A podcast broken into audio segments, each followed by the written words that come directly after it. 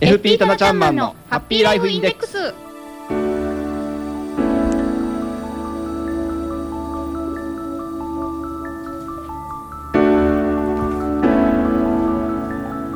FP タナちゃんマンのハッピーライフインデックス。この時間はあなたの夢と未来をトータルサポートするライフサポート有限会社の提供でお送りします。私たちと一緒に明るい未来幸せな生活になるためのマネーライフを考えてみませんか？この番組ではあなたからの疑問質問も受け付けています。宛先は hama.p-wave.ne.jp ハマアットマーク p-wave.ne.jp です。お待ちしてます。さあそれでは今日も早速一級ファイナンシャルプランニング技能士でありライフサポート有限会社代表のタナちゃんマンを呼んでみましょう。あなたもご一緒に。せーの。タナちゃんマン。はいこんにちは。棚橋です。今日もよろしくお願いしこます。お願いいたします。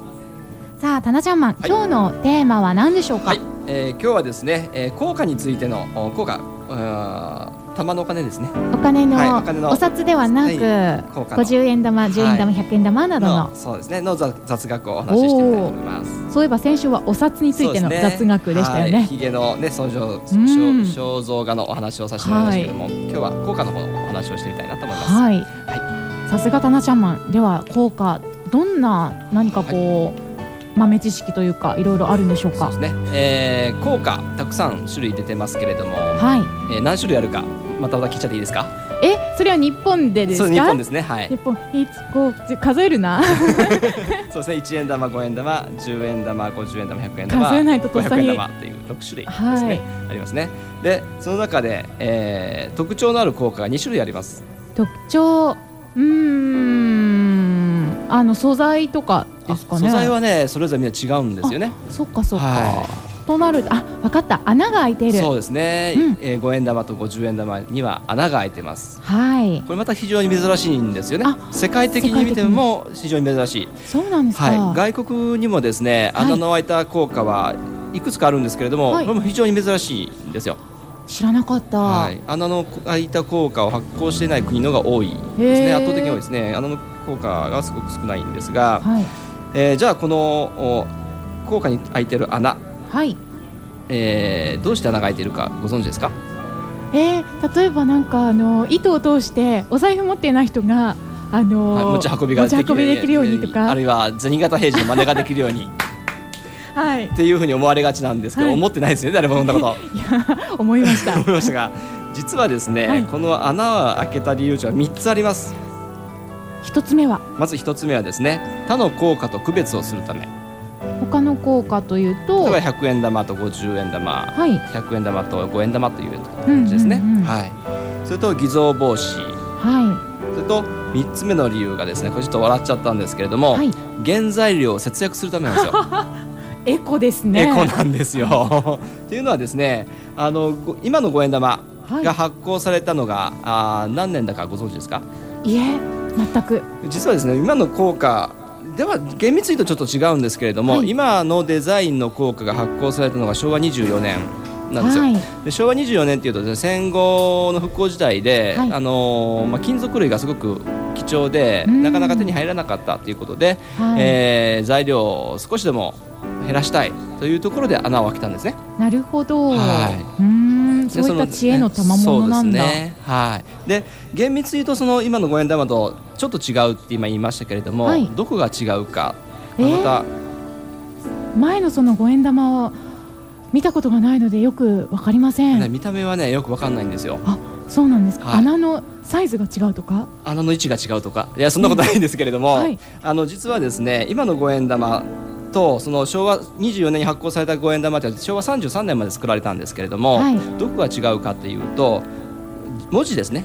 文字の、おフォントっていうんですかねが違うんですよ。今五円玉ってゴシック体で書かれてるんですけれどもすべての文字がゴシック体なんですね、はい。で、えー昭和33年までに発行された五円玉はすべてが明朝体あなんか歴史ある感じが明朝体のがしますね。そうですね、うん。ですので、あのー当時昭和33年以前の五円玉効果のことを筆語って呼んでる、えー、それは筆で書いた文字のようだから。そうですね、ね、筆で書いた文字のようだから筆語、まあ、これはちょっとあのマニアックなお話なんですけれども。はい。そうですね。よく昔のね10円玉ギザ銃って言ってですね。ありました、ね、ギザギザの10円が珍しいと同じように実は5円玉もそういうレアな5円玉も実はあると。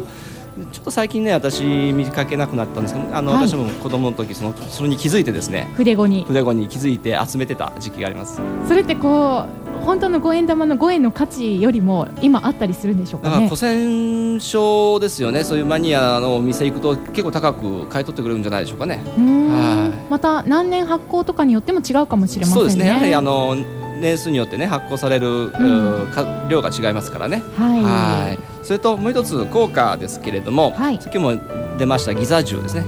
ギザギザがあります、はい、今ギザギザのある効果はどどの効果にギザギザがあるかご存知ですか？えー、っと500円玉にあったような気がします。ね。今50円100円500円についてます。そっかその辺もありましたね、はい、これどうしてギザギザがあるかご存知ですか？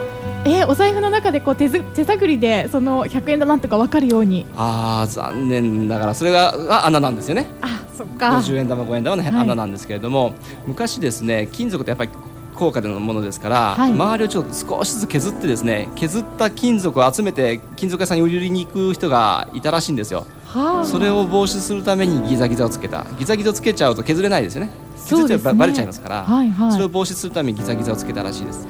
そうなんですか。ですので高高額効果のみにギザギザが今でも名残としてついてるということなんですね。そうですね。上から順になってますもんね。はい、そういうことなんですね。えー、なので10円玉にも昔は一番あの貨幣価値の高かった10円玉効果ですから、はい、ギザギザにがついていた。で今は10円玉ねえー、金額低いですからギザギザがなくなったということなんですね。なるほど、はい、そうなんですね。はい、その削った例えばあの国家が作ったギザギザにしたそのギザギザの部分の、はい、取った部分からもう一枚分とかできちゃったりもするかもしれませんし、ね、そうですね。それもエコかも。いやでも大量にねお金がいりますでしょうし逮捕されちゃいますんでね。あわかりました。はい、先日もねあのマジックのねその手品師の方がね、はい、500円玉を加工したということで逮捕されちゃってますからね。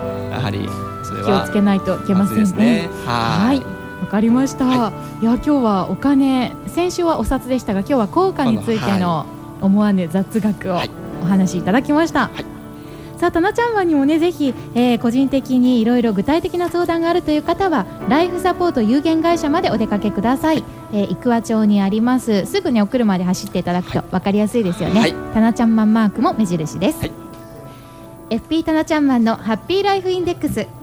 この時間は、あなたの夢と未来をトータルサポートする、ライフサポート有限会社の提供で、浜園サテライトスタジオからお送りしました。